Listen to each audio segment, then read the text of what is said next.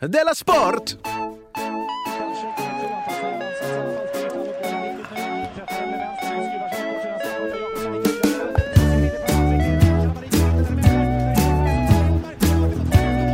Du lyssnar på Della Sport.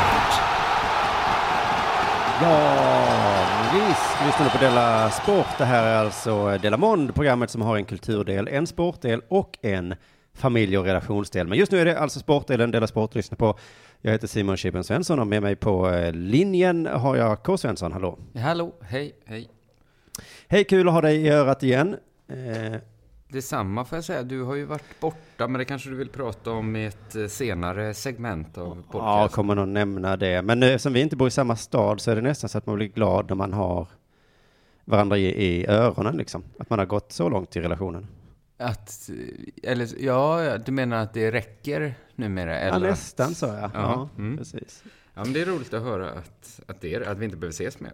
Att det räcker med Vi behöver inte se. ett samtal. Men du, jag tyckte det var så intressant att höra det Jonathan prata om Della Pappa, att ni gjorde så fin reklam för den. Ja, Eh, där. Och, ni, och ni var inne på en grej där, ehm, eller du var inne på att eh, folk tycker det är krångligt att så gå in på en hemsida och lyssna på, på podden. ja.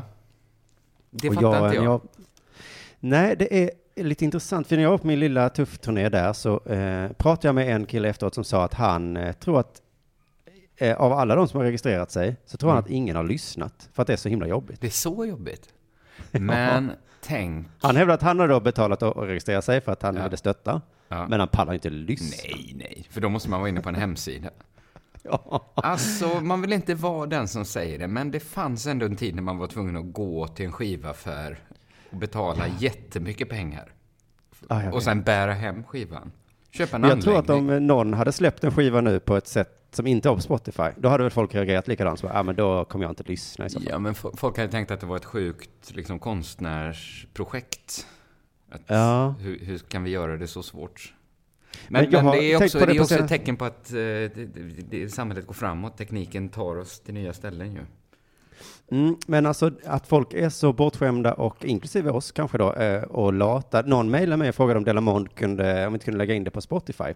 Ja, Och då svarade jag varför då? ja bra svar. Och då svarade han för att jag orkar inte byta app. Nej. men herregud alltså. Ja, men han orkade ändå höra av. Alltså det är också visst Ja. jobb för oss att lägga upp alla filerna på Spotify. Någonstans görs ju ändå jobbet menar jag. Ja, men jag tror att det finns något sätt att få det där att att flyta på. Men det var, jag försökte ju det med min turné, att så här förflytta jobbet. Alltså nu, jag har ju ändå skrivit och övat in en föreställning. Varför Mm. jag skulle liksom behöva åka iväg till liksom alla avkrokar i landet. Att det är payback time. Nu får folk komma till mig och titta på föreställningen. Ja, det är precis. Om folk inte skärper sig så kanske vi gör så med våra poddar i framtiden. Vi sätter oss i parken bara. Ja, man får komma och hämta den, ja. Ja, vi kanske inte ens berättar Nej, var det finns. inte det. Nej, precis. Då får de se. Då är det vi som skrattar sen. då, får, då får ni se. Ja, verkligen. För nu har vi ändå gjort en helt ny podd som jag nästan tycker är roligare än de här två som, som vi gjort tidigare. Ändå Mm. så bara orkar man liksom inte. För jag tänkte på, man har hört talas om konkurrensen i, i, medielandskapet, att folk kan spela tv-spel och folk kan titta på tv. Oss, oss, oss. Men den största konkurrenten verkar ju vara, åh, Ah, orka. palla. Palla. Men jag tror att vi ska vara unika, där, för alla andra tänker ju så... Eh, jaha, då läser inte folk eh, tidningar längre. Då kanske vi, vi får ge ut den på, som eh, brickunderlägg på McDonalds. Så kanske de orkar titta där medan de äter. Eller liksom, vi, man ska Ja. kunna te, se på Expressen TV i mobilen. Vi tänker ju tvärtom då. Att vi kanske bara ska ha de lyssnarna som är... Att det får vara minimikravet. Att man är så dedikerad att man kan gå in på en hemsida. Ja, precis. Jag tänker möta eh, dem halvvägs nu. Jag kommer säga lyssna på Della Pappa. Jag säger inte hemsidaadressen nu, för ni kommer ändå inte orka skriva upp den och komma ihåg den. Jag säger bara googla Della Pappa, så kommer ni hitta det. Ja, okej. Så du ger dem mindre än de... Ja, okej. ja, men då... Googla Della Pappa, och det kommer vara värt. Det är väl också en... Eh, Ja, men det, en liten- det, det är jag övertygad om. Får jag göra lite reklam för min turné medan vi ändå har det här segmentet? ja, verkligen. Eh, jag satte in... Åh, jag ångrade mig direkt när jag gjorde det. För jag, vi hade vår sista för- Stockholmsföreställning nu i lördags. Jättekul, Ja. jättebra. Jag ska prata lite mer om den sen. Och så var jag liksom så lite euforisk så jag sa till Lena på Bonden Bar att ah, vi kör en till. Boka in mig andra mars också. Ah, så nu måste jag sälja den också då. Så att, har ni missat att gå på Deep, det finns en chans till nu, eller det finns egentligen två. Den 28 februari i Eskilstuna, Eh, där finns fortfarande biljetter. Och det finns då biljetter till 2 mars i Stockholm. Gör det, för sen, sen, sen kommer den aldrig spelas mer. Någonsin. Nej, jag förstår det är jobbigt för dig just nu, men det kommer vara värt det den 2 mars och 28 Ja, februari. det, ska, det, kommer ja vara, det tror jag med. det kommer vara skitgött då. Men du, annars då? Har det hänt något sen sist? Förutom det? Eh, Ja, jag hade ju då min... eh, Jag visste ju att det inte var säsongsavslutning eller turnéavslutning eller vad man ska säga på min eh, föreställning va? Eh, i lördags. Men jag tyckte ändå att det kändes i luften som att det var det. För vi har spelat under så intensiv tid nu. Jag och Niklas som är med mig. Eh, så, så jag kände så här att nej, men nu, nu festar vi på lite efteråt. Så jag, jag tog med mig Albin och Ramona följde med hem. Och så kom Anna upp och jag hade köpt champagne, jag hade köpt viner och, och det skulle bli supertrevligt. Det var Ja, också ja, ja. supertrevligt. Men, ska jag säga så här. Man kan alltid... Jag vill helst inte liksom lägga in sådana display... Alltså, bakgrund av typen, jag hade sovit lite, jag hade inte ätit på hela dagen. Jag, jag vill helst inte, för det låter liksom som att man försöker försvara sig på något sätt. Men, men det som hände var liksom att vi, vi satt och drack vin och pratade och höll på. Ja. Eh, sen somnade jag på toaletten. Alltså Det- sittandes på toaletten i alla fall, inte nej, inte ner. Nej, inte sittandes. Utan det var mer så här att jag kom in på toaletten och kände så här. Åh gud, vad, nu är jag trött. Nu är jag faktiskt lite för full. Jag lägger mig bara en sekund på golvet här och blundar lite snabbt. Sen är jag i form. Men du har två gäster där ute och du är den enda som är... För Anna har gått och lagt sig för att... Nej, Anna, Anna var uppe, men hon drack ju inte vin och sånt där. Nej. Hon är ju höggravid. Eh, det är ändå, alltså det finns ju alltid...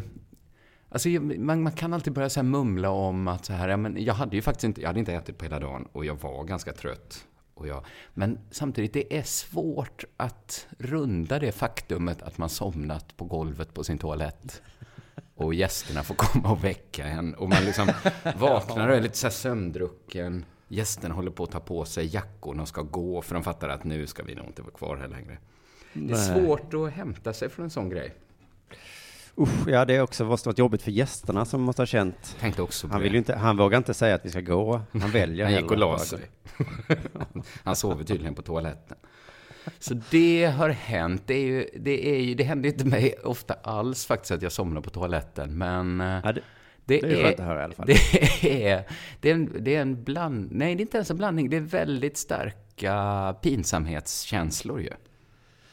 Ja, det är det.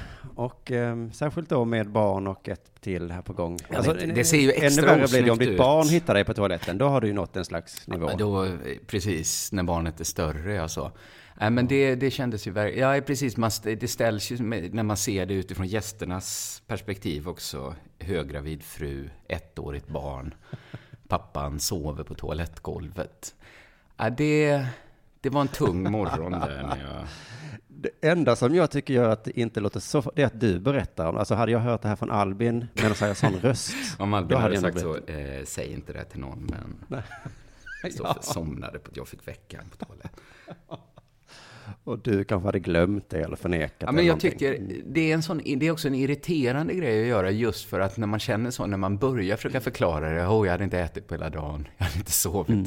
jag hade jobbat mycket, då känns det nästan bara värre. Va? Det, det är nästan inget som väger upp att somna på toaletten.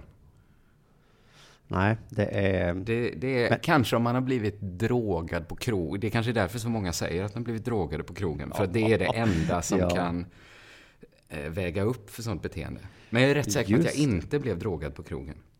Nej, men skulle socialtjänsten ringa på så då, då är det det som är storyn utåt. Då ja, precis. Jag går ofta på krogen och blir drogad. Det kanske var Albin, det kanske var Ramona. Eller så var det... Eller så, ja. Sy- sy- sy- Systembolaget kanske hade lagt något i vinet. Just Det det. vet man inte. Eh, annars då, det var ju väldigt pinsamt för mig och, och sånt där. Eh, glada nyheter är att jag har fått en avi för min telefon. Jag, har gått, jag är Ja. snart inne på tredje veckan som telefonlös. Det är också dåligt och ansvarslöst när man har en höggravid fru. Att inte ha telefon. Ja, verkligen. När Jonathan är utan telefon, då brukar du säga så här lite spydigt. Men ska du inte bara köpa nu? För du skjuter ju bara upp beslutet Mm. hela tiden. Men jag köpte ju en telefon direkt, men det är det att tre inte har skickat den. Ah, ja, ja, okej. Det, det, det är faktiskt på tre, för att de, det kom ju fram att de skulle göra en sån himla utredning på mig. Eh, om jag var värd att få vara, det var ju, det, de fattar ju inte, det är bara därför jag är trekund, för jag trodde att de inte gjorde utvärderingarna. Och det berättade Ja, ja. jag om i senaste avsnittet, jag fick tillbaka de här väldigt beklämmande siffrorna på, vilk, på vilket hög, att, hur många riskhöjande faktorer jag hade.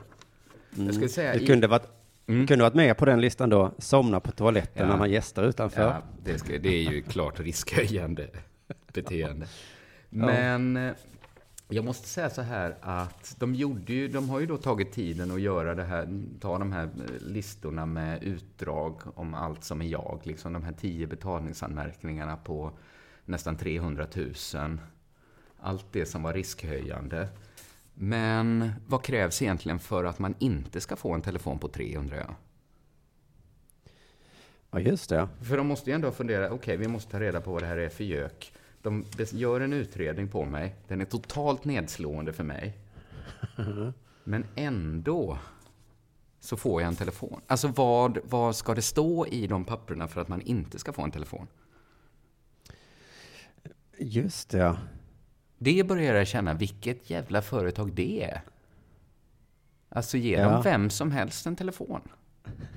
Men också att de var tvungna att skicka ut till dig så att du skulle få läsa liksom Ja, svart men på vitt vilken hemsk måste- människa du är. Det tror jag står i lagen att det gör liksom det Ah. bolaget som de har anlitat. De måste Mm. skicka ut det va. Eh, Det, det tycker jag också är en ganska onödig lag om den finns. För att det är Ja. bara, jag, jag tycker bara det är obehaglig liten påminnelse om att folk kan kolla upp en på det sättet. Ja, annars glömmer man ju lätt det och det är rätt skönt att inte Ja. tänka på det. Eh, Det tråkiga är då att det här behagliga telefonlösa livet som jag levt. Nu, jag satt idag och läste en bok på tunnelbanan. Det var underbart. kommer jag aldrig göra igen. Det är över nu, för nu får jag min telefon. Så att eh, det är det som hänt sen sist. Har det hänt dig någonting sen sist?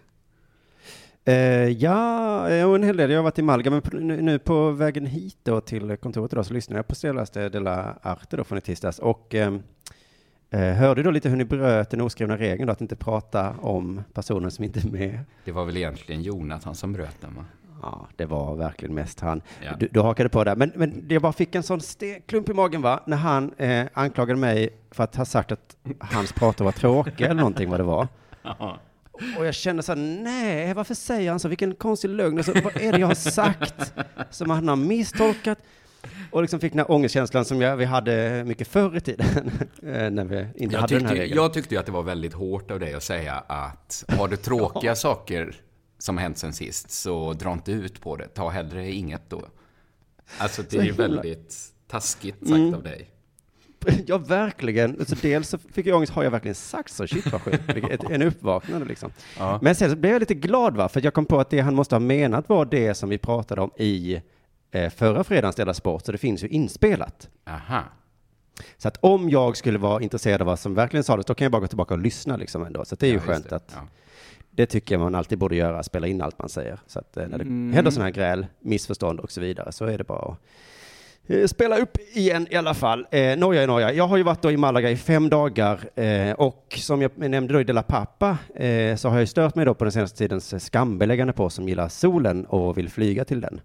Eh, Just det, du tycker som Sara Skyttedal att man ska flyga mer än någonsin så att de bygger elplan. Ja, jag hade inte, jag tycker väl att hon är en fantastisk människa som Mm. kanske borde vara med i Delamond istället för dig och Jonathan då. Eh, för Ja. hon kan minsann uttrycka sig. Ja, Men det kan eh, jag kanske inte, ja. Men jag är, jag är ungefär som hon och tror att, jag, att det kommer lösa sig va. Eh, Så därför så är jag så Vad är, himla vad är trött. egentligen alternativet till att det inte löser sig, tänker jag? Är det att Ja, jorden ja. går under och alla dör?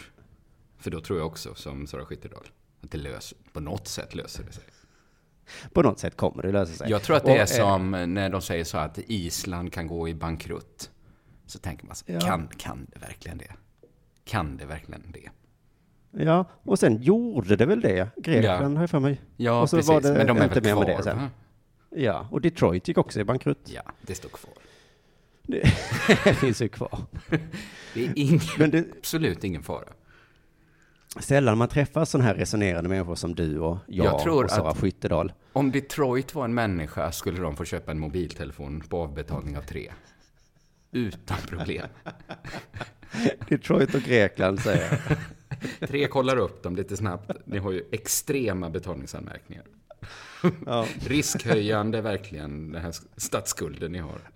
Men eh, ta en telefon vet jag. Nej, vi tar en telefon idag. Men då med tanke på den här stämningen som jag då upplevt de senaste veckorna i Sverige, va? både på nyheter och politiker och alla de här eh, eh, kulturjournalisterna som, som skriver långa artiklar om att, att det är fel att flyga, så var det så jävla skönt att ställa in, gå in på Kastrup. Mhm. En flygplats full med folk som antingen då är klimatförnekare eller tror det ordnar sig, eller bara helt enkelt skiter i. Ja, det kanske finns några också med jätte, samvete hela tiden som, Ja, som sitter och skäms. Ja, jag tror inte det. det var, alltså jag hade känslan av att det var som om man var på musikfestival när man var 16. Jaha. Och så, Åh, äntligen slipper vi alla idioter. Här inne är alla lika. Ja, hallå, ja. hallå. Vad gillar du för band? Ja, åh, härligt band. Dricker du också 70 centiliter öl till frukost? Perfekt. Du Borde vi inte alla bara vara kompisar och, eh, och ha det mysigt? Ja. Vi gick runt och high-fivade varandra, vet du. Frågade, vad ska du? Thailand? Fan vad fett! Ha det så kul du! Stora bilder på Jens Liljestrand och Isabelle Hadley Kampf, de som skrivit de här krönikorna. Eh, då fick man gå fram och rita Hitlermustasch och horn på dem. Jaså? Ja, ja. Det var härligt. Det var härligt. Första dagen på min semester där då så kände jag, jag blev lite orolig för mig själv. Jag vet inte om det är för att jag jobbar med, Jo- jag skyllde lite på Jonathan, att jag, när jag jobbar med honom så måste jag skärpa mig liksom för två. Mhm. Mm. Så, så sen när jag skulle slippa honom ett par dagar så var det liksom som att allt bara slä, jag, jag kände inte igen mig själv riktigt. Nej, för du har ju Eh, fortfarande din väg- familj att skärpa dig för väl? Ja, verkligen. Jag, jag, har- För de var väl med? De var verkligen med. Ja. Men när jag kom fram till Triangeln där, köpte så, tågbiljett till Kastrup eh, och så är vi på väg ner i hissen. Då ropar någon, eh, hallå där, är det här din? Och pekar på marken där på asfalten. Och då ligger det där tre meter bakom mig, min laptops. Ja. Den bara ligger där. Och jag bara, oj. Men du eh, hade jag, tappat eh, den i golvet eller suttit på golvet och... Nej, nej, nej, jag hade bara gått där med min rullväska och så hade jag köpt biljett och så hade jag väl gått tillbaka ett par steg och så den bara låg där och så stod det en fyllegubbe precis där och han tog min laptops. Nej. ja. Jag tror han gjorde det liksom lite på skämt sådär, men jag, bara- jag bara kände så, nej, ryckte ur hans famn. Mm, skulle jag nog också gjort. Och jag bara eh, liksom började gå igenom, hur fan hade den hamnat liggandes på, på marken? Och då tittade jag lite i min väska, då har jag glömt stänga min väska. Så då har jag gått hemifrån hela vägen till triangeln då, eh, med öppen väska. Så det kan vara ett sånt Hans och Greta-spår efter dig med strumpor och kalsonger och necessärer och Ja. sånt? Ja, ja, precis. Jag började fundera på vad jag hade tappat eh, på vägen. Och, liksom, och datorn, men det, ja, som tur var då. Hade det inte varit för den snälla killen där så hade jag ju blivit av med datorn och hade Ja, verkligen det, det hade varit en var. sur start på Malaga-semestern. Verkligen va. Sen på tåget då till flygplatsen så lägger jag upp min stora väska på hyllan ovanför och sen går jag av tåget på Kastrup utan väskan. Så Milo då, min son, får säga hallå pappa din väska. Just fan, oj oj oj oj oj, säger jag. Ja, det är semesterhjärna. Ja, helt otroligt. Sen då på Kastrup ska jag ta ut euro, för jag har fått för mig att jag ska betala boendet eh, cash. Det var ju också fel då, men det eh, trodde jag. Ja. Så jag tog ut då eh, 350 euro. Eh, och sen så tyckte jag då något felmeddelande på skärmen, så jag bara vände mig om och gick och sa, äh, det gick inte, det kom inga pengar. Och så tog jag några steg bort och då säger Milo igen, men pappa, ska du inte ta pengarna? Gud, det var... Du gör ju liksom den vakna varianten av att somna på toaletten hela tiden här. Ja, den vakna varianten. Alltså precis, vid det här laget så börjar min familj tappa förtroendet för mig också. Att Ja. de känner, du kanske inte ska. Och då så går vi då mot eh, checka in och då känner jag, vad fan är våra boarding pass och pass som jag hade? Hittar inte dem. De dök upp tack och lov. Men där och då tänkte jag, allt är möjligt här. Ja. Eh, och resten av resan, eh, får jag säga, gick bra. Jag, jag, jag tror jag skärpte mig lite. Men var det så, för det kommer jag ihåg när jag var yngre och reste, att ibland så var det man själv som tog så här ansvaret så här, nu ska vi till Berlin, här har jag varit förr, nu ska jag, jag lär mig tunnel, jag kan tunnelbanan, jag fixar allting. Och så slappnade de andra av. Och så var det så jävla jobbigt att liksom bara dra runt med några som var fulla hela tiden och inte tog något ansvar. Men nästa resa så var det kanske man själv som sa så att eller som såg att någon annan tog ansvaret och så var man så total eh, liksom avkopplad från allt vad ansvar hette. Fanns det någon sån deal att, att, eh, att någon annan i sällskapet hade tagit det ansvaret? Eller var det du som hade huvudansvaret på resan? Ja, jag tog ju rätt mycket ansvar där, men eh, vid det här Det laget så. så. Så, blev jag av med ansvaret. eh. Det låter som att du var full på morgonen när ni skulle åka. Jag tror att det, kanske, det kan ju vara ett undermedvetet så att jag kände, gud vad ansvar jag har. Mm. Hur ska jag bli av med det här nu? Kast, slänger så min dator. Tar ut 4 000 spänn och går. Ja, liksom gränsen måste ju, jag satte liksom ribban högt där liksom, att jag Mm. kastar datorn på golvet. Det är värt det. Får det värt. Men sen då på vägen hem när vi skulle åka hem igår, då hände ju faktiskt det på riktigt att jag, eh, man får ju ut boardingpassen via en sån här maskin efter tiden. Mm. Och sen så gick vi några meter och sen så hände någonting med bebisen då, eh, så var jag tvungen att byta blöja eh, mitt på eh, golvet där. Eh, och då plötsligt så var boardingpassen borta, på riktigt. Eh, men vet du, det gör ju ingenting. Man får nya lätt, eller? Man, man får nya, man säger så, jag tappar bort dem, jaha, säger de. Och så varsågod. får man ner. Så det är en sån gammal grej de har kvar, tror jag bara, att pappersbiljetter. Jag har aldrig riktigt fattat det. Alla liksom boardingpass-systemet och sånt där. Kunde man inte bara få... Man får ju en biljett. Ja, Eller biljett, förr ja. fick man ju en flygbiljett, va? Och så gick man in Ja. och växlade den mot ett boardingpass. Varför det inte kunde vara liksom samma biljett hela tiden. Precis, och nu har man ingen biljett, eh, för det står i, i deras dator. Nej. Och så växlar man eh, ingen biljett mot ett boardingpass som man absolut inte får eh, slarva bort. Men om man gör det, Så är det då får man ett nytt. Ja. Nej, så är det absolut ingen fara. Men i alla fall, jag kommer helskinnad eh, eh, hem. Jag kommer nog berätta lite mer om resan eh, strax, men nu är det dags för det här.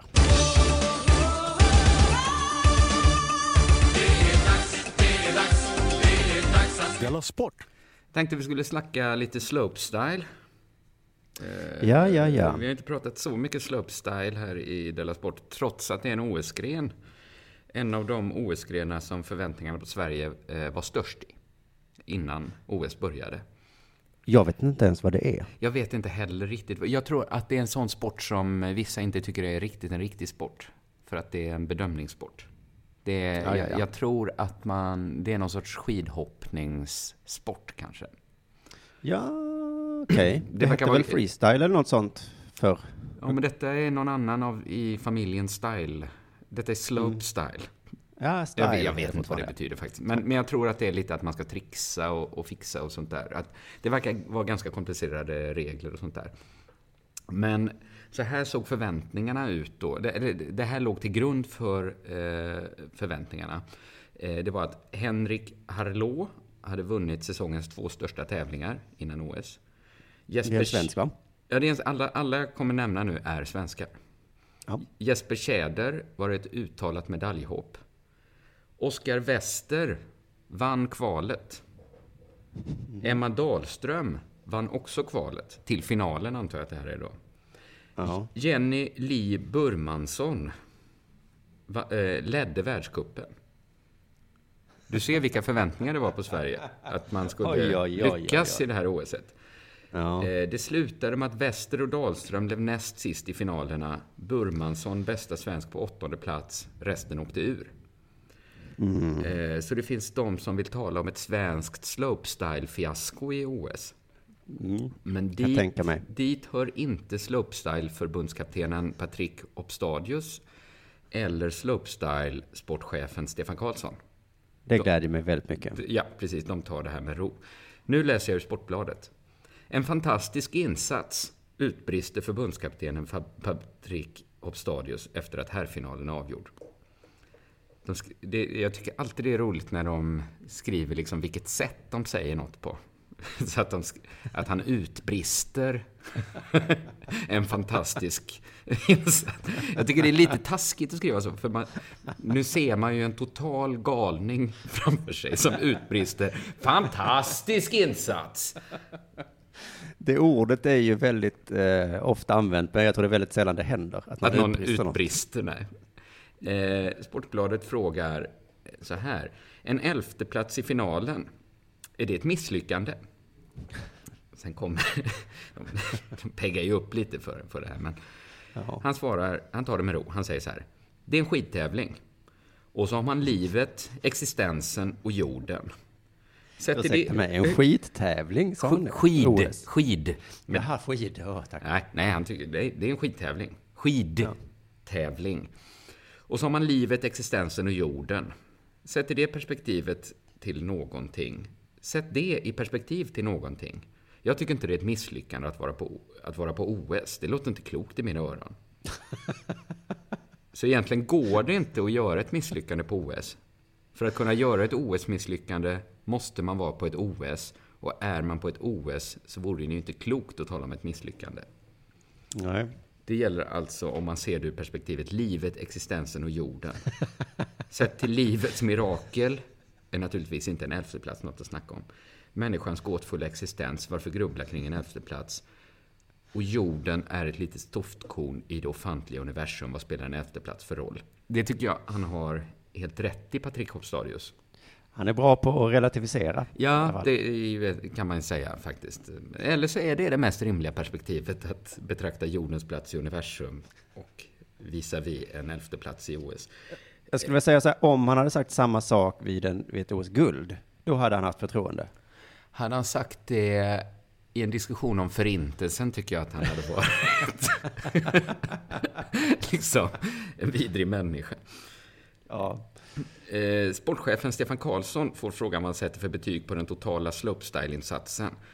Totalt sett, bra. Det är OS, det är inte jättelätt att lyckas. Det var höga förväntningar och lite platt fall. Så höga förväntningar, platt fall, på det stora hela taget bra. Eh, Sportbladet frågar om det var för höga förväntningar på slopestyle-åkarna. Eh, det där är ett ok man får bära när det gått väldigt bra inför ett sånt här spel. Det blir väldigt speciellt, men det är svårt att förbereda sig på. Det är svårt att sänka förväntningarna.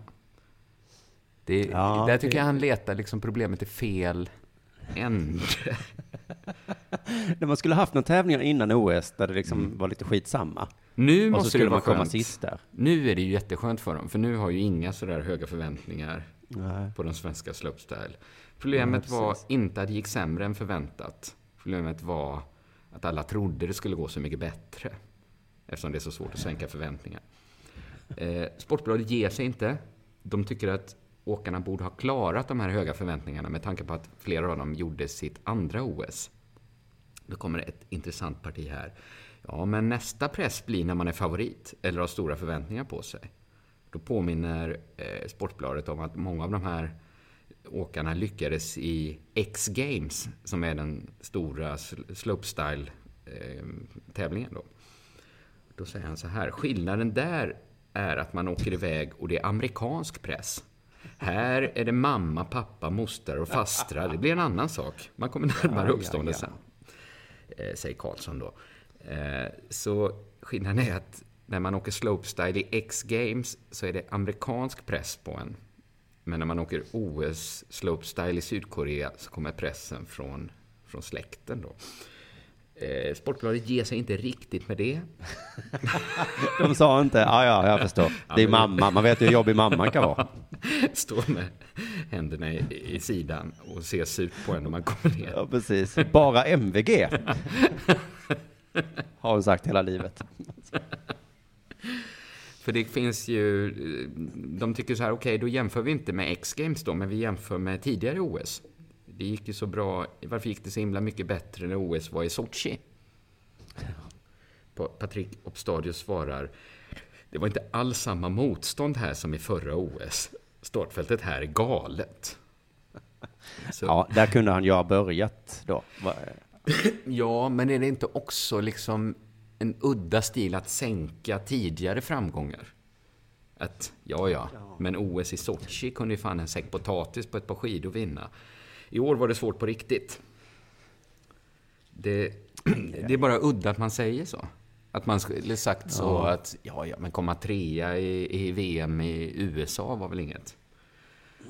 Nej. Det har jag liksom aldrig hört någon förbundskapten försvara ett, ett så här fotbollsmisslyckande med. Nej, verkligen inte. Jag tänker på hockeylaget som eh, alla säger misslyckades nu. Mm. Där är det ju, varenda OS och VM så är det olika lag man möter. Ja, precis. Att de skulle säga, ja, ja, men slå Finland i en OS-final är väl inget. Testa och möt. Tyskland i gruppspelet. Ja, Men mot, mot slutet av intervjun samlar ändå Hopstadius ihop sig lite och säger så här. Klart att det är svintråkigt att vi inte tog de medaljerna. Men vi åker härifrån och alla är hela och glada. Vi har haft en otrolig tävling för vår sport. Vi har gjort allt vi kan. Åkarna har gjort en grym insats. Så hade förväntningarna bara varit att de skulle lyckas resa hem igen, ha kvar ett glatt humör och inte skadat sig allt för mycket, så hade de lyckats. Nu tycker jag det är Ja. sådär då. Jag tycker det här kan vara en läxa för hela svenska folket inför nästa OS. Ha inte så jävla höga Nej, förhoppningar hela sänk, tiden. sänk förväntningarna verkligen. Ja, för helvete. Men eh, det, det verkar, alltså det enda jag har sett i rubrikväg är hur mycket silver och guld Sverige tar. Mm. Men sen när jag kollar upp nu så var det bara sju stycken eller någonting. Eh, medaljer, allt som allt. Eller guld. Ja, något i den stilen. Ja. Jag kan säga tio då, så har jag tagit eh, Men jag tror målsättningen från IOK, eller från, vad heter svenska, eh, vad heter de nu, svenska Olympiska kommittén. SOK ja. Det var ju att vi skulle ta, jag tror det var åtta medaljer. Men de jobbade ju med väldigt låga förväntningar också. Ja, de var bra på att sänka. Mm. Men så eh, har ju tydligen Norge slagit rekord nu, eh, sitt eget rekord i alla fall. Eh, över 30 Jättebra för. Norge. Mm. Mm. Och då eh, vaknar ju liksom nyhetsprogrammen till eh, här i Sverige. Jag hörde på P1 Morgon i morse så diskuteras det varför Norge kan ta så många guld i vinter-OS när vi i Sverige inte kan det. Mm. De har ju färre medborgare Ja. var ju eh, en av liksom eh, eh, faktumen de lutade sig mot. Och så ringde de upp en svensk eh, journalist och en norsk no- journalist och den svenska hade argumentet att i Sverige har, vi har visserligen snö, Mm. men inte där folk bor. Nej. Det är inte helt sant. Nej, det är, det är jättemycket snö i Stockholm till exempel. Ja, det är det. För han hade, jag tänkte så att okej, det kan inte så mycket snö i Stockholm, men de flesta skidåkarna kommer ju inte från Stockholm ändå. Nej. Nej, precis. Tärnaby. Och sånt, ja, där är det väl Där är det väl snö. Där tror jag Men att det hade- är, om man liksom bara sätts ut i, där, så vet man inte om man är i Sverige eller Norge. Om man bara får titta sig runt omkring. Jag tror det är jättesvårt att veta om är jag i Sverige nu eller Norge nu. Det är nog, precis. Men han hade exemplet Oslo då, att där är det snö hela tiden och där åker man liksom skidor till och från ställen och så när man är i Oslo. Ja. Eh, norrmannen eh, hade med det här exemplet skidåkning eh, och den typen av idrott har så himla hög status i Norge. ja. Det har jag hört någon gång innan också. Jag tycker bara det är så jävla sjukt. Han sa att det är högre status än fotboll till exempel. Ja, men det är väl att jag tänker, det kanske också är ett storstadsfenomen, men jag tänker ju att skidåk, längdskidåkare framförallt inte har någon status i Sverige. Nej, precis. Det är därför det blir sån himla rolig clash, tänker jag, att det är högstadiet där det går förbi en kille med tights och två längdskidåkor och alla bara "Ooh, wow. Att man har någon som är amerikansk eh, fotbollsspelare så i amerikanska high schools och sånt. Ja, just det. Och att de mesiga killarna bara tittar upp på de här längdskidåkarna och bara åh jävla sportfåne. Och så, säger de. För alla tjejerna. Det är så himla svårt att tänka sig den. Ja, det är ju någonting att man blir medan... Jag kollar ju ibland på såna här snygga mål på Instagram och sånt, fotbollsgrejer. Och fotbollsspelare ser så himla, himla tuffa ut medan de håller på. Men läng- det finns nästan inget fulare än en längdskidåkare i full karriär. Nej, eh, för dig och mig som är svenskar, men för norrmän så måste de ju se samma sak som vi ser när vi ser en När fotbollsspelare. det hänger så liksom snoriga istappar från mustaschen, då tänker de jamma, jamma, jamma. Fan vilken cool kille det där är. Oh, sån vill jag bli. Om man bara kunde vara så bra som Dali, eller vad de heter. Men de sa också eh, det här då att i Norge tar man med sig sina barn ut i skidspåren från att de är jätte, jättesmå. Mm. Och det gör ju inte vi, det är jag helt säker på. Eh, och då när han sa det så kände jag, men då så, då är det väl rimligt då? Då är det väl rättvist att, det är klart de ska ha alla guld. Om de liksom, Ja, jag tycker det, det stör inte mig att Norge vinner så mycket. Det hade stört mig om de också var jättebra i fotboll och jättebra på Ja. massa andra saker. Men jag det. känner Men då har vi mer... delat upp det lite, att vi har väl eh, bollsporterna, så får de de här sporterna. Jag blir inte arg när en, en kenyan vinner ett maraton eller en 10 000 meters löpning. Jag tänker, ja, det är jätteroligt för Kenya att de är bra på att springa. Mm, de har en grej. Ja. Eh, vad skönt att du inte blir arg när en kenyan vinner. Vi har inte den eh, relationen till Kenya heller som vi har till Nej, nej, det är inte det. Tänk om vi hade haft, att det var Kenya vi hade då. Det är liksom retsamma förhållanden. Jävla Kenya! Magnus Uggla sjunger så här om eh, normen är ett jävla folk, eller vad fan det var. Ja, just det. Kenyaner är ett jävla pack och sånt. kan sjunga om där. Det låter lite illa. Ja, det hade det. Men i alla fall, idag så kommer jag över lite information som gör att det kan också bero på någonting annat då, eh, än att de eh, tar ut sina barn tidigt och att de har mer snö och så. För jag såg att Marcus Hellner, en av våra bästa skidåkare, han ska åka hem nu. Jaha. Och det stod så här att Marcus Hellner var på förhand given att åka den avslutande femmilen i OS. Det vet man att det är ju den, den är ju en jävla klassiker. Ja, det är det. Det är väl typ sista dagen eller någonting och fem mil. Uff, häftigt va? Eh, Men efter interna överläggningar ändrar sig plötsligt den svenska veteranen och avbryter istället OS och åker hem till Sverige. Nu hyllas Marcus Hellner för sitt beslut. Okej, vad var skälet till att han åkte hem? Ja, exakt. Vad fan har hänt nu då? Eh, Han hyllas för beslutet att ge upp och åka hem. Ja. Eh, Så jag fick klicka runt lite där på de här sportsidorna. Eh, En rubrik jag såg idag. Sanningen bakom Hellners avhopp. Och sanningen vet du, den är jag intresserad av. Ja, jag med. Nu Jag framförallt. brukar inte ge mig förrän jag når sanningen, faktiskt. Nej, men det var säkert bara att läsa artikeln. Ja, om jag kan hantera sanningen? Jajamän, det, tror kan jag. nog. Brukar, jag- brukar jag hävda. Sanningen är då, eh, först fick vi reda att beskedet var överraskande. Eh, står så, dels för att distansspecialisten Hellner har tung rutin från flera, femmilar. Mm. Eh, dels för att Hellners insats i sprintstafetten pekade på en klart stigande form. Men distansfavorit, eller expert, eller vad var han? För de vet Distansspecialist, ja. alla, alla tävlingar går på någon distans, vet de va? Ja, det där är kanske är någon form av lingo då, för att distans säger man bara om det är lång distans. Ja, ja, okej. Ja. Korta distanser kallas inte för distans. Nej, det är ingen, distans. ingen distans att tala om. Det är ingen distans. Kallar du det där distans? Jag kan åka fem mil, vet du. Men ändå sjukt, han är i jättebra form och har tung rutin från eh, tidigare mästerskap. Varför ska han inte vara med och varför hyllas han då? Tränaren eh, Lars Serin berättar nu sanningen. Jag har resonerat fram och tillbaka med Marcus och han kände väl att han inte kunnat förbereda sig optimalt för att köra den här femmilen. Nej. Och undrar, är detta verkligen sanningen? Ja, men samtidigt, det väcker väl bara mer frågor. Varför hade han inte det? Ja, han kände väl att han inte kunnat förbereda sig. Då borde ju tränaren sagt, varför helvete har du inte förberett dig för? Nej, precis. Det är OS vart fjärde år, det vet du. ja. Nästan ingen som bryr sig om femmilsåkare någon annan gång. Nej, hade du varit norrman så hade du varit sexsymbol nummer ett. Men nu är du svensk, nu gäller det att fan vinna de här loppen, annars skiter vi i dig. Samtidigt eh, kom också ett besked från en annan åkare. OS-debutanten Viktor Thorn, 21 år, ville gärna få chansen. Ja, ja. och man känner, ja det är väl klart att han ville ha, få chansen. Ja. Vad har det med saken att göra? Det, så är det ju väl i alla... Tänk om fotboll funkade så att Zlatan gick av för att det satt en ung kille på bänken som ville ha chansen. Så jag Ja. slutar nu.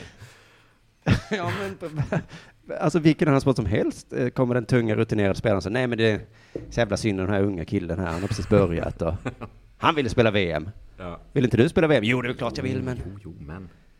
Det heller inte vara som en var så jättepropp jävla- i vägen för alla. Ja, just det. Eh, Stor propp. Sedan eh, fortsätter här trenden här. Sedan sa Marcus Hellner att han tyckte att det var roligt att höra att Viktor var hungrig på att köra. Han sa, men du vet, det är fem mil. Det är rätt jobbigt också. Ja, men jag känner, jag är sugen på det. Fan vad kul att liksom se så ung entusiasm. Jävla galning, han ska åka fem jävla mil. Han aldrig, ja. Och så ställer en fråga, motfråga här. Vad sa Hellner mer? Mm. Mm. Att det i så fall var bättre att Viktor får platsen. Så eh, Hellner gav helt enkelt sin plats till Viktor Thorn. Ja, lite så var det ju, säger tränaren då. Ja. Så att om detta är sanningen och hela sanningen är inget annat än, än sanningen, då har vi kanske kommit lösning på varför Norge är bättre än Sverige lite närmare här. Ja. Alltså våra åkare ger ju bara upp. ja, precis. Att det är den som vill mest som får åka. Eller kanske då Ja. att i förlängningen att de som är bäst inte är så himla sugna.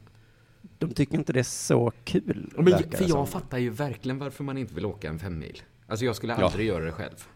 Nej. Det är nästan en mardröm att så här vakna upp och ha åkt fyra mil av Vasaloppet och ha fem mil kvar. Men, men det är ju ändå hans jobb att åka fem mil skidor. Ja, det är någonting han har längtat efter nu i fyra år skulle jag då gissa då. Men eh, jag googlar vidare här för det kom inte mer om sanningen vad som har hänt med Marcus Hellner eh, och så. Det var ingen som frågade den här artikeln varför han plötsligt gav upp. Då visade det sig att det har att göra lite med att han och hans kompis Kalle Halvarsson eh, åkte sprintstafett. Aha. Och då var de väldigt nära ett brons va? Men eh, kom fyra. Ja. Och de blev båda väldigt ledsna. Det står så här då, missad medalj i sprintstafetten. Nu väl, väljer Marcus Hellner att lämna OS. Jag är klar nu, jag ska ta det lugnt, säger Marcus. Jag Och tycker även då Kalle Halvarsson funderar på att åka hem. det är väldigt vekt, tycker jag, att känna så, åh, vad nära vi var ett brons. Alltså, det är ju ändå, alltså, det är väl ändå bara en som vinner en tävling. Ja, men det hade Jag, jag får känslan att det bara är Sverige som räknar medaljer. Alla andra räknar guld. Jo, ja, okej, du menar att det var skitsamma att komma fyra eller tvåa då, skulle du säga? Ja, det tycker jag. Ja, men i alla sådana medaljsammanräkningar så räknar, alltså 100 silver är ju inte ens ett guld i medaljligan. Ja, ja, ja, jag är precis tvärtom. Jag tycker en fjärde plats är så jävla bra. Vet du vad då? En sekund ifrån en OS-medalj. Ja, men jag tycker inte det, jag tycker att också att en det är. fjärde plats är bra. Jag tycker bara inte att det är en så här väsensskild skillnad mellan tre och fyra. Bara för vi hittat på att det finns. Jag tycker det är en jättestor skillnad mellan ettan och tvåan. Men Ja. inte så stor mellan trean och fyran. Det, Nej, det nej, är ändå nej, det är helt, vi ju, det är inte så att det bara, det, det, är inte något, det är bara ett påhitt att det är tre medaljer. Ja, men det är ju ändå att få en medalj, stå på pallen. eh, alltså, fan fett ändå. Stor skillnad för att stå på pallen och inte stå på pallen. Ändå är det så fett att stå som tre, Längst alltså, ner. längst ner. Ja, ja, Marcus, eller Kalle Halvarsson eh, får fylla i här nu då eh, för Marcus. Ehm, vi fick den tråkigaste placeringen man kan få.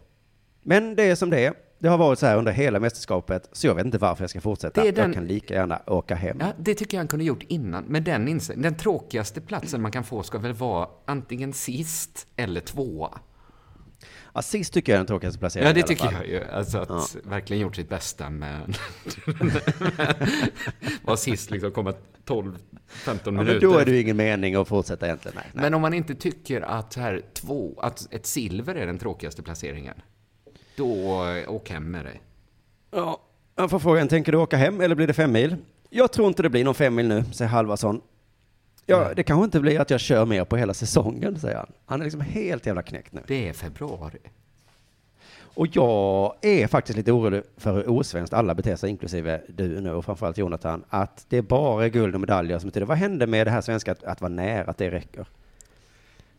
Bra gjort, Men måste säger jag. det, måste det räcka också i OS? Måste Den här killen du nämnde slope- innan, som- slopestyle-laget? slopestyle-tränaren. Ja. Fan vad gött ändå. Vi, Vi, hade kom ändå med. kul. Vi hade kul. Vi kom, vi kom till OS. Vi är Planet här. hem, vi lyfte i tid. flaggan. Perfekt. Vi kunde inte vara gladare.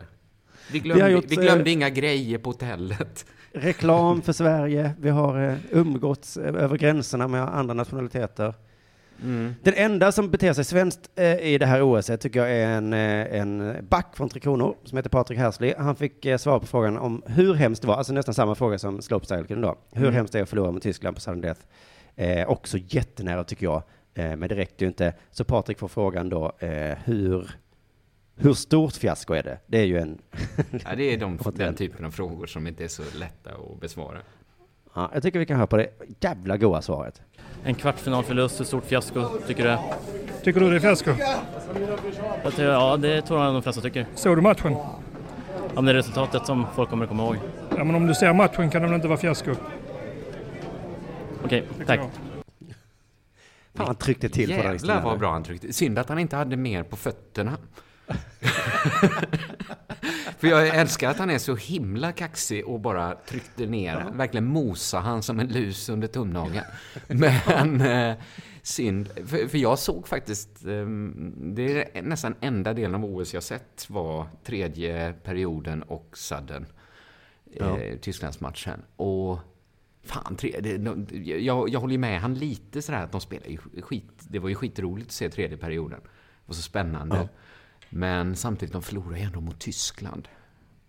Ja, men såg du matchen? Då kan Ja, jag såg den, jag såg den. Jag, jag tyckte ändå det var lite vekt att förlora mot jag håller ju med honom på sätt och vis här. De spelar, de åkte OS, spelar jävligt bra. Sen är det klart att det gick ju inte.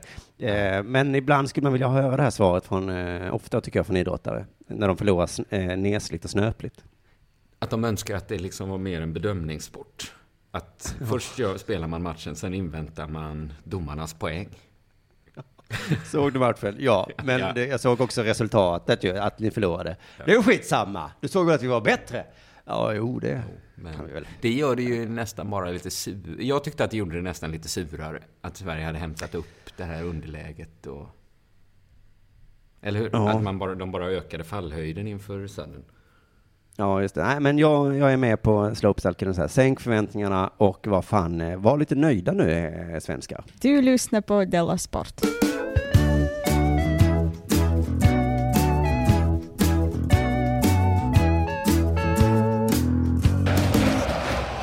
Det Jag ska är komma nu- med en sanning till här nu. Jaså? Att alla kan inte, alla kan inte komma på första plats. Så är det. Det är liksom inbyggt. Någon måste Nej, förlora. Det är ju också en del av det roliga med OS Ja. ju, Att inte alla Just vinner.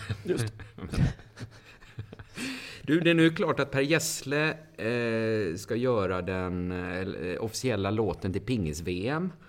Eh, som brakar igång i Halmstad i månadsskiftet april-maj.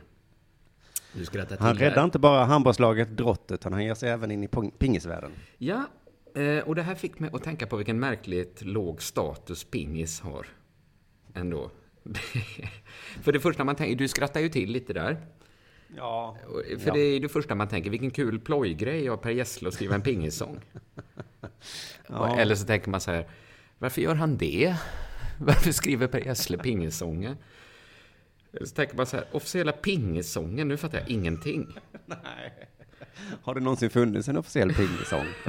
Är det en tradition? Står han på jättars axlar och ser lite längre nu? Att han tar genren längre än någonsin? Det var Shakira som gjorde fotbollsgrejen och nu är det Per Gessle då. David Guetta gör lacrosse-hymnen. Eh, det här var liksom inget som gick genom Per Gessles huvud. Han säger så här, när jag fick förfrågan att skriva den officiella sången för turneringen så fanns det ingen tvekan. Eh, så han, det var liksom bara, vill du göra, ja, ja, pingissången, ja, det vill jag. Eh, pingisången för i år, den officiella, heter Name You Beautiful. Fatt, Oj. Fattar du? det? För jag läste många gånger nu. Alltså jag vet att jag, min engelska är absolut inte på Per Gessles nivå. Eh, och sådär, va? Men, men jag fattar. Name you beautiful. Är, är inte det bara tre ord? Eller jag har liksom aldrig hört den, mening, den meningen. Nej, jag fattar inte jag vad det betyder. Är det name you beautiful? Alltså, Ge mig ditt namn, din, din vackra jävel. Att det är mer så som en tullkontrollant. Namn? Din vackra. Fan. Nej, det, nej det, går, det är väldigt få sammanhang man har hört. Ja, men, Men, jag kan tänka mig det är refrängen då, att det är name, you beautiful. Precis, men det blir samma sak fast bara att du satte en melodi till nu. Det blir, jag tror man behöver Ja. resten av texten. Den har inte släppts ännu, så jag, inte, jag försökte googla. Men är inte det Gessles grej då? För, eh, all, hans Roxette-låtar var väl så? Han- The Look var men- också fylld med nonsensord har han ju sagt. Jo, precis. Men nej, fast how do you do? Do you do? The thing? Alltså det är ju ändå, de orden hör ju ändå samman. Jo, men eh, The Look-versen är så. Stinging like a hammer, eh, looking like a rainbow. Jo, men- det är bara konstiga ord han har lagt ihop. Ja, okej, det kanske är samma sak då. Det kanske inte har med pingis att göra. För då hade ju ett av orden kunnat vara pingis då, kanske. Mm, det. Det kanske är i, i versen handlar det mycket om ping- pingis. Eh, låten är ingen nätrullare precis, mer en stenhård smash mot backhand-sidan.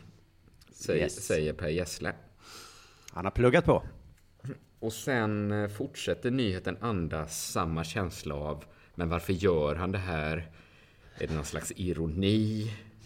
Och vad snäll han är som tar sig tid och skriver den officiella pingisången. Men sen läser jag att pingis-VM har 350 miljoner tittare över hela världen. Eh, Pingis-VM i Halmstad är, det störst, är Sveriges största idrottsevenemang 2018. Så det är, Oj, oj, oj. det är absolut inget konstigt att Per Gessle gör den officiella pingisången. Det enda konstiga är pingisens märkligt låga status som gör att man reagerar så här på att Per Gessle gör en pingissång. Reaktionen borde ju vara så här, åh fan, knep Gessle den officiella pingisången i år? Kul för Gessle, kul att det går bra för Gessle. Stackars Sara men Larsson. Jag kände lite så. Ja, kände men jag så? kände, för jag trodde hans karriär var lite neråt, så tänkte jag ändå, ja, ja. Men jag tror bara han är liksom alltid bara en skiva bort från att vara... En, en skiva bort på svenska från att vara den stora svenska succén det året. Är det inte alltid Ja, så kan- när han släpper en skiva? Kanske, kanske inte alls är så. Men det, det är ju liksom, det är väl mer, för jag läste det att Per Gessle hade sålt 80 miljoner skivor över hela världen och är en liksom världsartist. Men nu har han ju chansen att liksom nästan fyrdubbla blir det va? Sina, sina fans. 350 miljoner. Pingis är ju större än Gessle. Det borde ju vara liksom, nyheten borde ju vara att han har knipit, knipit det va?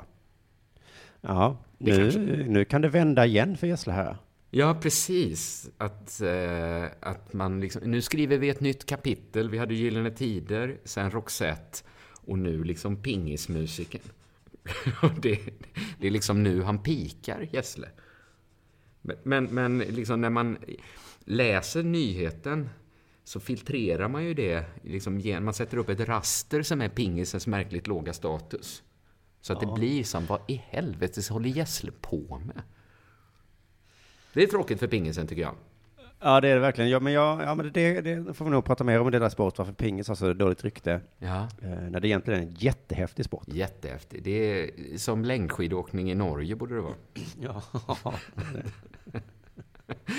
Det kan vara att när man kommer med sitt pingisracket i sitt fodral att det är svårt liksom att bära det på ett riktigt tufft sätt.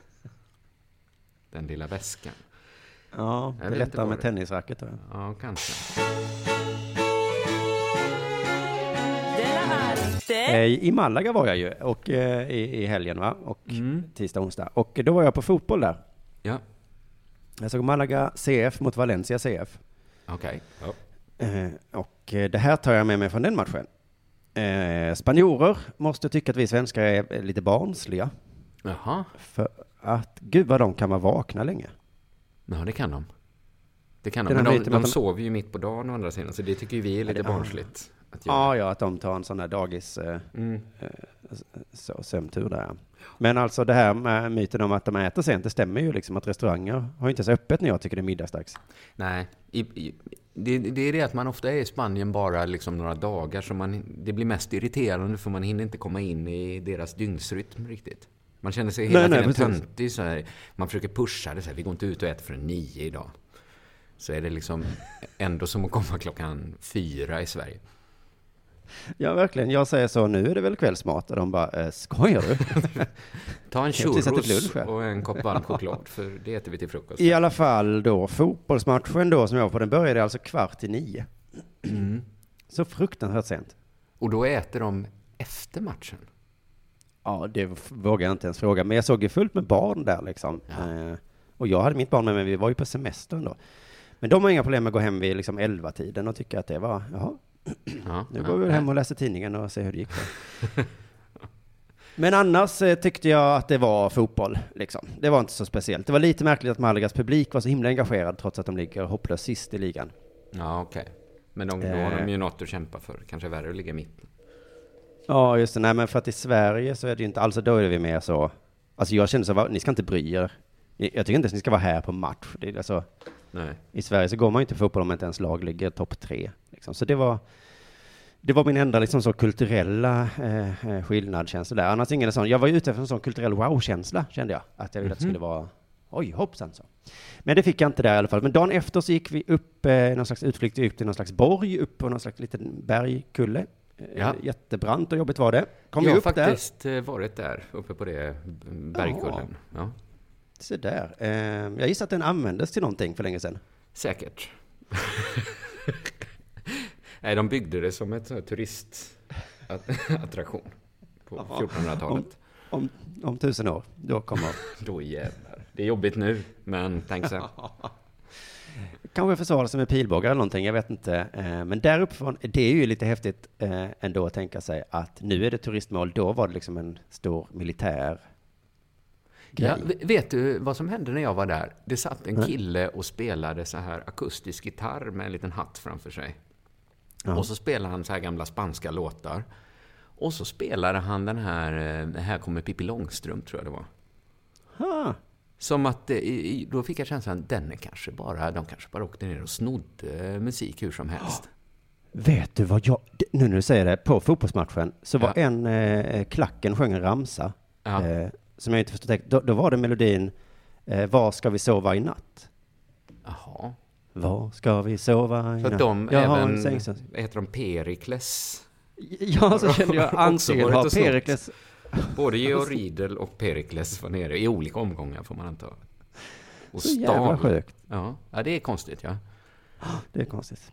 Men eh, jo, men att det var en sån militär, men nu är det en, eh, en turistfälla då, att kanske då om tusen år så kommer vi gå in i olika så atomvapen och, och sitta där och fika och titta Ja. omkring. Det är en fin tanke Ja, då. ja, vi- ja, absolut. Jag, jag försöker bara se det fram. Gå in i ett atomvapen och fika. Man får vara glad att Trump byggde så många nya, säger man. Ja, ja, ja. Ja, men så blir det säkert. Just det, för det var säkert någon försvarsanrättning ju. Den här bollen Ja, uppe på. Ja. Såg du där uppe då att man kunde se eh, tjurfäktningsarenan där uppifrån? Eh, ja, det minns jag mycket väl. Så jävla cool den såg ut. Helt Ja. rund och såg ut Ja. som Colosseum liksom. Och bara Ja, tänkte, de- den används nu. Ja, precis. De ser ofta väldigt häftiga ut. Jag har varit inne på den i, det finns säkert fler, men i Barcelona har de ju också väldigt jättefin. Jaha, du var inne där ja. Mm. Ja. Ja, jag, såg det uppifrån bara, och så fick jag sån jävla känsla. Fan vad jag vill gå på tjurfäktning. Ja. Så jävla coolt det hade varit. ja. Eh, då kan vi snacka kulturell wow-känsla. Eh, till skillnad från fotboll, som är ju egentligen exakt samma som jag ser Ja. eh, varje vecka i Sverige. Ja, jag fick samma när jag var i Portugal. Fast då, då var precis eh, tjurfäktarsäsongen över. Och där har de ju den här extra grymma tjurfäktningen där matadoren sitter till häst. Ja. Så att det är liksom en häst som har lagt en skumgummimadrass över. Det hjälper inte alls när en tjur springer sitt allra fortaste med hornen rakt in i sidan. Så att det, det är Nej. lite extra krydda i, i, i Portugal. ja, och så då tog jag upp det med min familj då, eh, när vi satt där på kaféet högst upp, så sa jag, fan ska vi inte gå på tjurfäktning hade ni? Så jävla coolt Mm. hade det varit.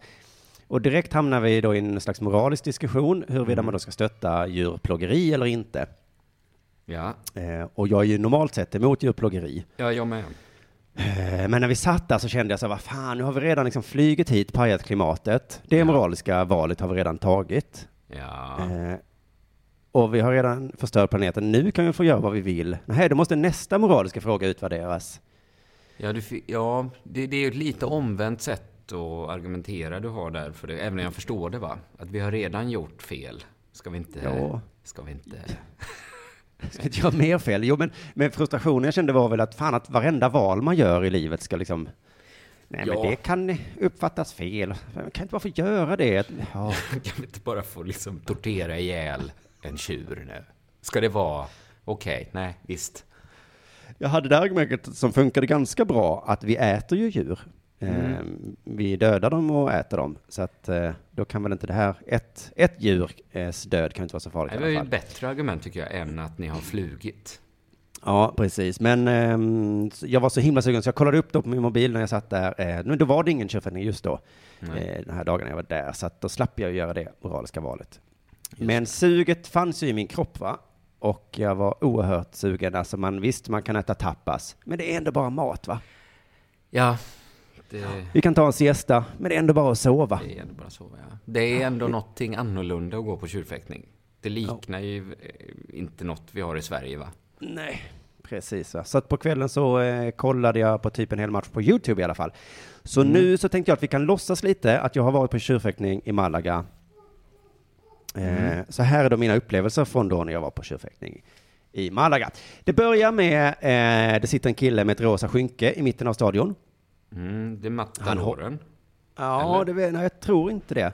För han kom senare då. Men han sitter där och hojtar. Eh, Jaha, detta är mer om publikuppvärmare, eller? Ja, eh, publiken surrar lite. Det är liksom som att matchen inte har börjat. Han, han, eh, han sitter där med sitt rosa skynke och hojtar. Pågår några minuter. Eh, lite för länge tycker jag. Det börjar bli konstigt nu. Men jag känner också, wow, det här är kulturellt konstigt. Vilken upplevelse. Ja. Mm. Mm. Det är varmt vet du. Vi i publiken svettas, viftar med programblad för att svalka oss. Ja. Ja. Ja, gud, nu är det som att jag är där. Mannen med rosa skynket är klädd eh, lite gay faktiskt. Han ser lite, Mm. liksom lite bögig ut.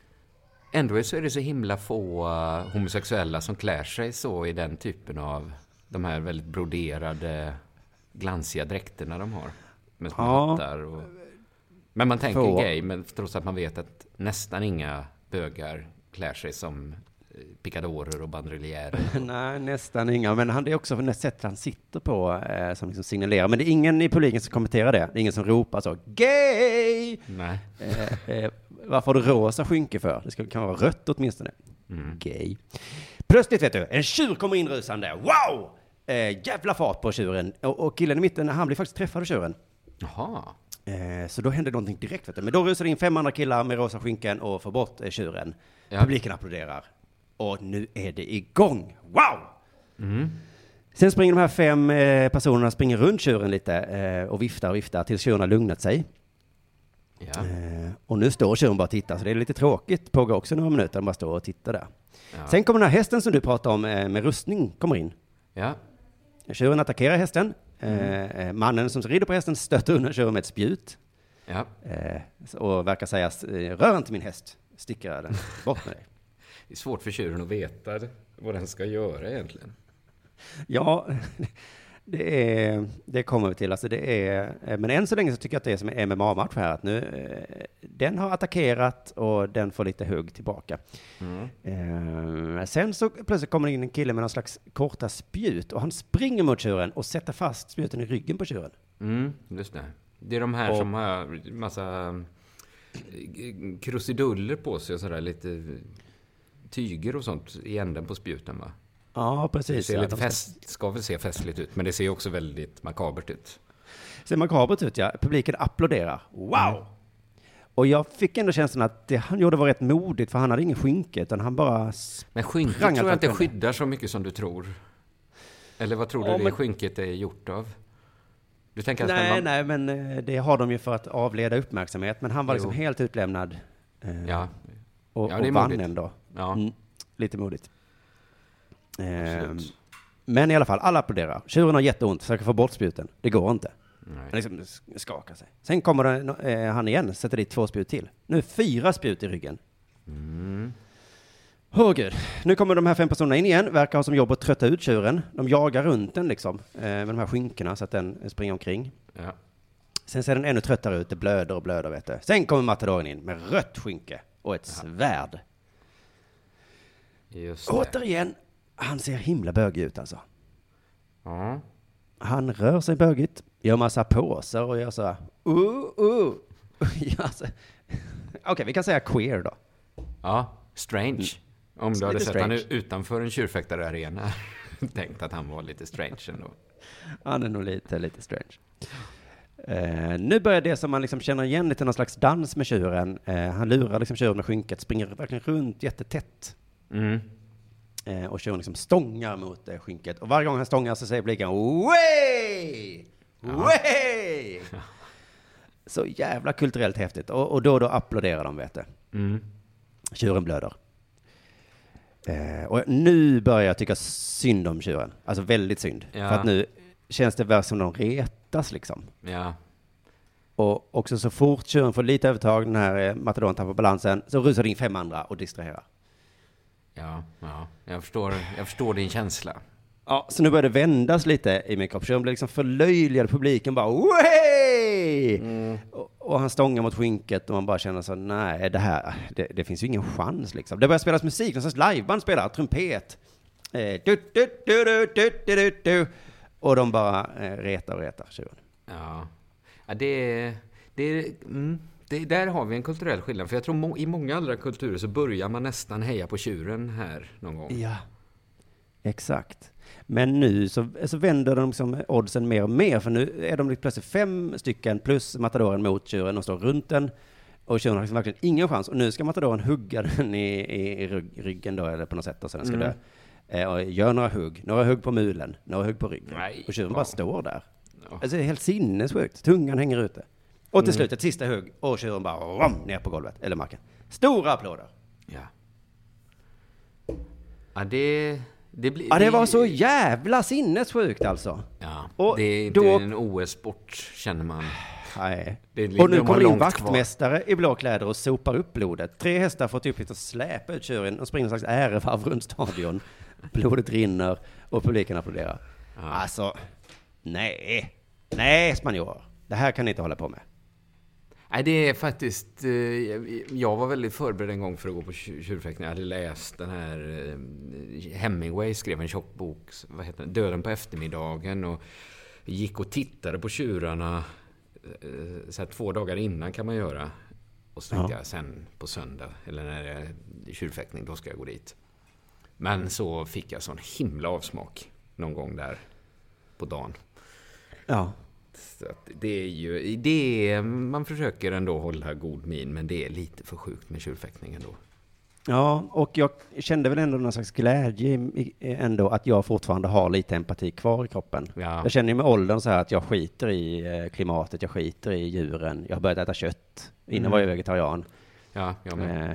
Jag orkar inte bry mig så mycket längre. Men det finns fortfarande lit, en liten bit kvar i mig. Så, Ren tortyr kan du ändå tycka känns Ja. fel. Så, ja. och särskilt när publiken hejar på på det där sättet.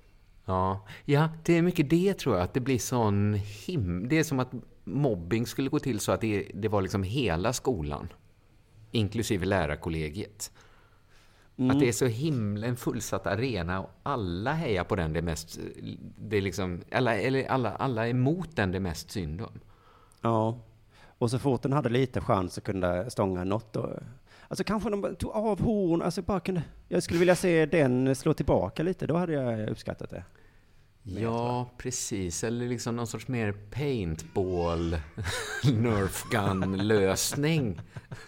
Det hade ju varit en jävla sport, att man bara ska gå in och peppra tjuren med paintball. Kul. Inte så svårt. Nej, men det hade ju varit, eh, ja men eller någon slags stickfighting då, att man har sådana värderade pinnar som man slår tjuren med kanske. Mm, eller att matadoren liksom bara hade cykel.